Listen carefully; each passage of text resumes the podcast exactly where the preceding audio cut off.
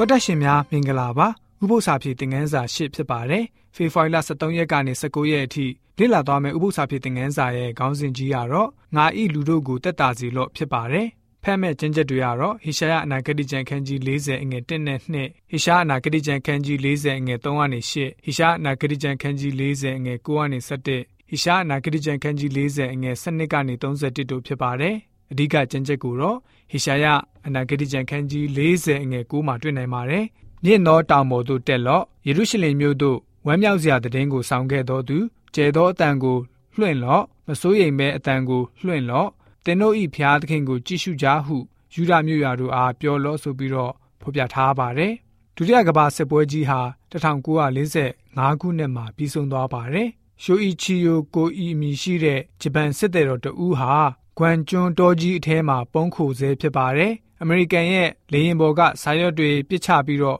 စစ်ပြီးလို့ငြင်းငင်းသွားပြီဖြစ်တဲ့အကြောင်းကြီးညာစာရွက်တွေမှာရေးထားတော်လဲပဲဂျပန်စစ်သားဟာလုံးဝမယုံပါဘူး။လှည့်ကွက်လို့သာထင်နေပါတယ်။ဂျပန်ရှင်မင်းကိုတစ္ဆာပြုခဲ့တဲ့တော်ဝင်စစ်သည်တော်ကြီးဟာဘယ်တော့ခါမှလက်နဲ့မချလို့တန်ဒိတ်တံပြုထားပြီးဖြစ်ပါတယ်။လူအတိုက်ဝန်းနဲ့အဆက်အသွယ်မရှိဖြစ်ပြီးတော့တောထဲမှာကြမ်းတမ်းခက်ခဲစွာဆက်လက်အသက်ရှင်နေတာတွေ့ရပါတယ်။ 1982ခုနှစ်ဒုတိယကမ္ဘာစစ်ကြီးပြီးလို့နှစ်ပေါင်း28နှစ်အကြာမှာယူကိုအီငါးထိုင်များနေစဉ်မှာတောလိုက်မုတ်ဆိုးတွေနဲ့တွေ့တဲ့အခါမှာစစ်ကြီးပြီးဆုံးတယ်ဆိုတာကြားပြီးဖြစ်တဲ့အကြောင်းသိလိုက်ရပါတယ်။အဲ့ဒီအချိန်မှာယူကိုအီအတွက်ငြိမ်းချမ်းရေးရရှိသွားပါတယ်။အခြားသူတွေကငြိမ်းချမ်းမှုအရသာကိုနှစ်ဆယ်စုနှစ်စုခံစားရပြီးဖြစ်တော်လဲပဲယူကိုအီကတော့စိုးရင်ကြောက်ကြမှုနဲ့အထီးကျန်စွာနေခဲ့ရပြီးဖြစ်ပါတယ်။အဲ့ဒါကို ရိုင်ဂါနီရဲ့ Alter Core စာမျက်နှာ304ကကောက်နှုတ်ဖော်ပြထားတာပဲဖြစ်ပါတယ်။လွန်ခဲ့တဲ့ရာစုနှစ်များစွာမှာဟေရှာယပြောဖက်အားဖြင့်ဘုရားသခင်ဟာမိမိရဲ့လူမျိုးတွေဒုက္ခဆင်းရဲခြင်းကနေကြော်လွန်ရမယ့်အကြောင်း